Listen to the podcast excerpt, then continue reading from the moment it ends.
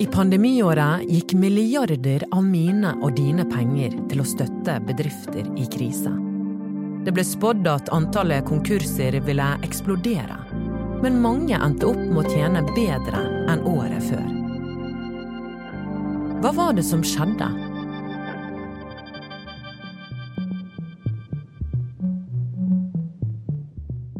Hvis du spør en bedrift trenger du 50 millioner, selvfølgelig sier de ja. Det, det, de gjør nok privatpersoner. Noen kom bort meg på gaten og spurt Ole, vi har uh, uttrekning av penger til en som trenger en million. Trenger du en million? Ja, hvorfor ikke? Så vi kan ikke forvente at bedriftene skal være på noen høyere moralsk eh, standard enn oss, da. Dette er Ole Andreas Elvik Næss. For å effektivisere tiden sin har han jogget bort til studio her på Bergens Tidende. Han er forsker ved samfunns- og næringslivsforskning, som holder til på Norges handelshøyskole. Det siste året har han vært opptatt av kompensasjonsordningene og har skrevet flere debattinnlegg om saken. Da pandemien skyllet innover landet, holdt mange bedriftseiere og arbeidstakere pusten. Hva vil skje med arbeidsplassen og bedriften min? Jeg er eh, utrolig glad og takknemlig for å kunne stå her nå og fortelle at eh, kompensasjonsordningen er klar. Loven er på plass. ESAs notifikasjon er på plass. Og jeg har vedtatt forskriften. Staten åpnet pengesekken. Når staten innførte disse veldig sjenerøse tiltakene i mars 2020 Man forstår jo at de var mm, nervøse fordi de var usikre på hva som ville skje, og at de derfor da innførte eh, litt eh, ekstra snille støttepakker. Jeg er deleier i en eh, bilbutikk. Vi hadde mange biler vi skulle selge i mars. De blir jo forsinket pga. denne pandemien. Så, ja, ja, så kom de i juni istedenfor. Så vi solgte jo dobbelt opp da, i juni. Så vi hadde jo en kjempegod eh, sommer i 2020. Gjorde det veldig bra. Men vi kvalifiserte jo da til støtte, sant. Fordi det gikk dårlig med oss i mars. Med en gang skjønte vi at sånn, denne ordningen her, den, den, er ikke, den er ikke rettet mot de som virkelig trenger det. Den burde vært laget på en mye bedre eh, måte. Da staten påla store deler av næringslivet å stenge ned i mars 2020, skulle de begynne å gi bedrifter penger for å dekke faste, uunngåelige kostnader. For å få det måtte bedriften blant annet ha hatt et omsetningsfall på 30% Jo større fall og kostnader man hadde hatt, jo høyere utbetaling fikk man. Det var jo en krise som verden allerede sett maken til før. Det ville jo legge begrensninger på veldig store deler av økonomien. Man fryktet at hele økonomien kunne kollapse. Og når man så da på en måte for på hva som skjedde under finanskrisen, da bank i USA fikk litt problemer, og så kollapset nesten hele verdensøkonomien, for å si det veldig, veldig overforenklet, da, så skjønner man på en måte litt, eller man var litt redd for hvor sårbart dette systemet kunne være. da. Så Derfor var man veldig sånn tidlig på ved at liksom staten skulle inn og hjelpe for å passe på at det ikke skulle spre seg da, og ikke bli en stor krise. Flere økonomer og regjeringens eget ekspertutvalg har vært kritiske til ordningen. Men hvorfor det? Ole Andreas bruker restaurantbransjen som et eksempel. Du har for eksempel den lokale lille restauranten på hjørnet som er veldig få ansatte som ikke har så mye penger, og som har helt vanlig lønnsinntekt. Det er på ene siden. Og så på den andre siden har jo du store restaurantkjeder som ehm, ja, Peppes og Burger King og McDonald's. Sant? Så det er jo én ting om man kanskje bør støtte de, den første gruppen med de eh, stakkars smårestaurantene. Men eh, om, om, det er riktig å bruke skattepenger på å støtte da, Burger King og, og Peppes, det er jo et helt annet eh, spørsmål, da. Så igjen gjelder det hvordan du kan lage en ordning som treffer de som trenger det. For det er mange bedrifter der ute som er eid av eh, folk som har mye penger, da. Og de kan selvfølgelig få penger, de òg, det er bare hyggelig at folk får penger. Men um, da må man igjen tenke på hva som er samfunnet sin beste måte å bruke pengene sine på. Er det best å gi penger til de som har veldig mye på forhånd, eller kan det være bedre å gi til Ja, vi ser sykehusene sliter med kapasiteten og det er mange ensomme studenter, og det er mange grupper som trenger penger. Så det er det som på en måte er det grunnleggende spørsmålet egentlig som ligger bak om ordningen er riktig eller ikke. En stor bedrift har som regel både større kostnader og flere ansatte enn en liten. At den store bedriften får utbetalt større beløp i støtte, det er kanskje naturlig, og målet med ordningen er å trygge arbeidsplasser. Ja, det er jo det argumentet som de bruker, men jeg mener at argumentet er ikke helt riktig. Fordi ehm, støtte til arbeidsplassene til arbeiderne, da, det går jo gjerne på ordninger som permitteringspenger og tilsvarende. Når du gir støtte til en bedrift, det er det eieren som får den støtten.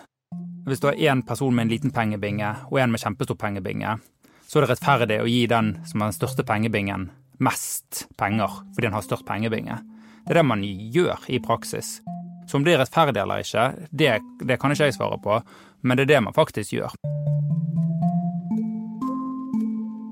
Det har jo på en måte vært argumentet for ordningen, sant? å sikre arbeidsplasser.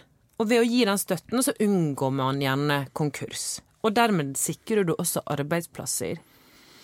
Mm, det er òg eh, en liten sammenblanding av to ting. Fordi For det første så kan konkurser Dette er litt sånn vanskelig å få frem til folk flest, da, men konkurser kan ofte på en måte være eh, bra. Fordi konkurser det betyr at du da eh, flytter arbeidsplasser fra en bedrift det ikke er marked for lenger, til en annen. Sånn som f.eks. Eh, Petter Stordal sier at han elsker konkurser. Sant? Det er konkurser som har bygget karrieren hans. Det er, det er jo kombinasjonen av katastrofe for noen og kongemulighet for andre. Ja. Har jo vært det som eh, på mange måter bygde meg. Det var at jeg kom inn akkurat når andre gikk på snørra.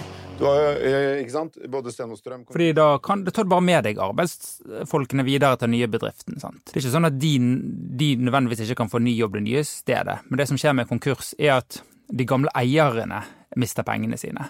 Så konkurs det er egentlig ikke først og fremst tap av arbeidsplasser, det er først og fremst tap av eieren sine penger.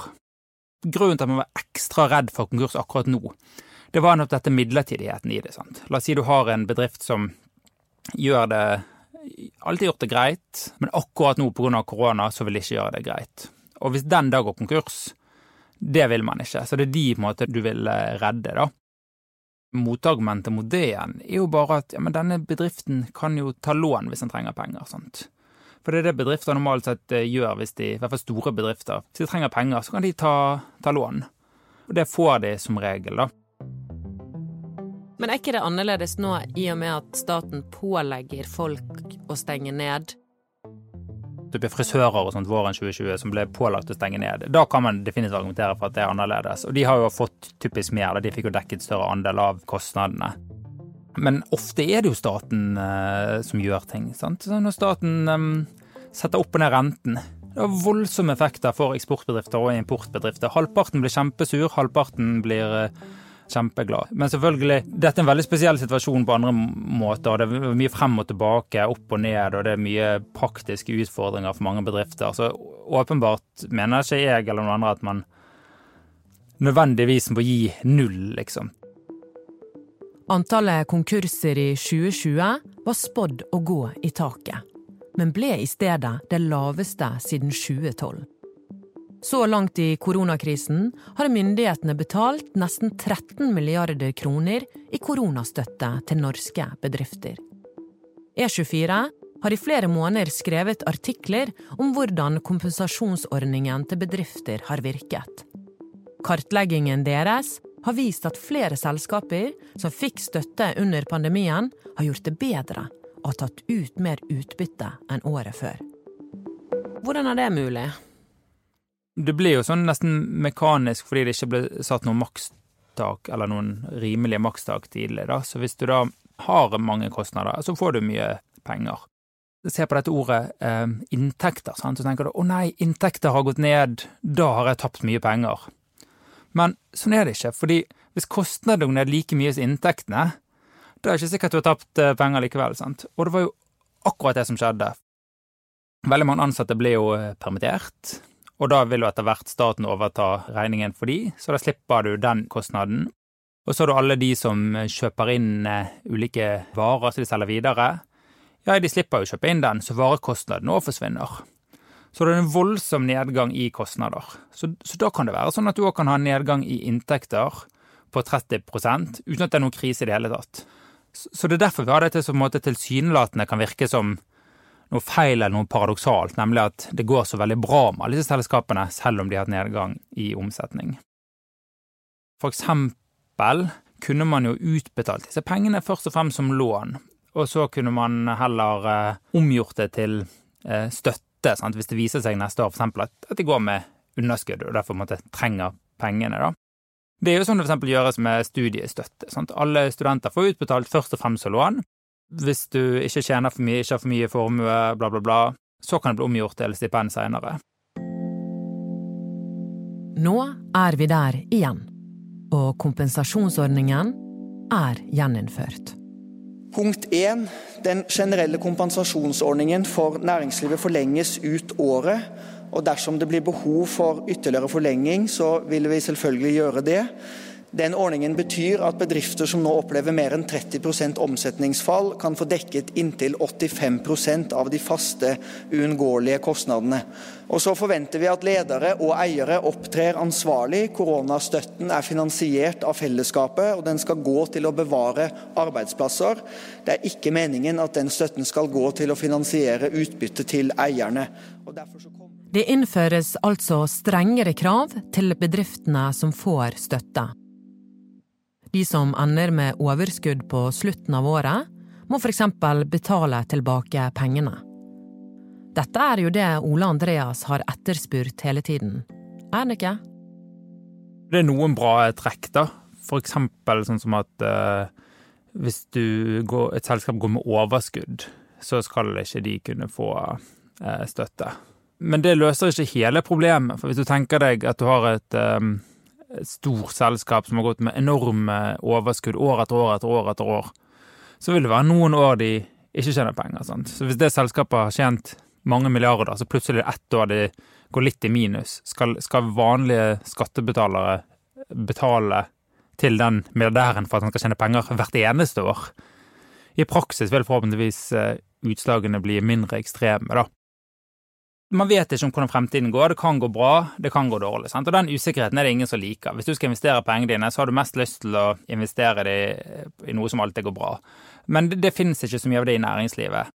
Hvis du gjør en investering i f.eks. hotellbransjen eller flybransjen eller en av de store bransjene som svinger mye, da får man ofte en høyere avkastning på sånne type investeringer, fordi andre ikke liker risikoen, da. Så da vil jo disse folkene i snitt vil jo de tjene mer enn andre. Så vil det komme noen dårlige år. Om det skyldes en pandemi eller en finanskrise eller en politisk situasjon i et eller annet land eller EU-reguleringer. Det er mye som kan skje.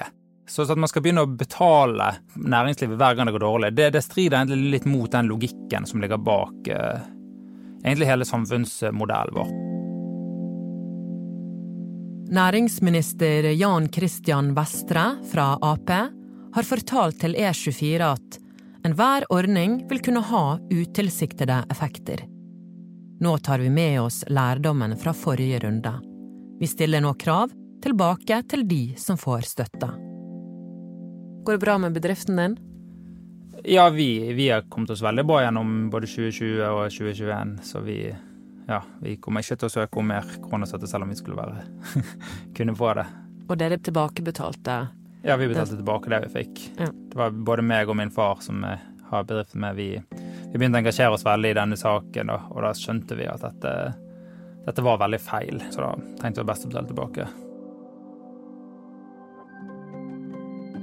Mitt navn er Anna Magnus, og denne episoden er også laget av Anna Offstad og Henrik Svanevik. Du har hørt lyd fra regjeringens pressekonferanser og podkasten Stormkast. Har du tilbakemeldinger til oss, send en mail til hva skjedde at bt.no.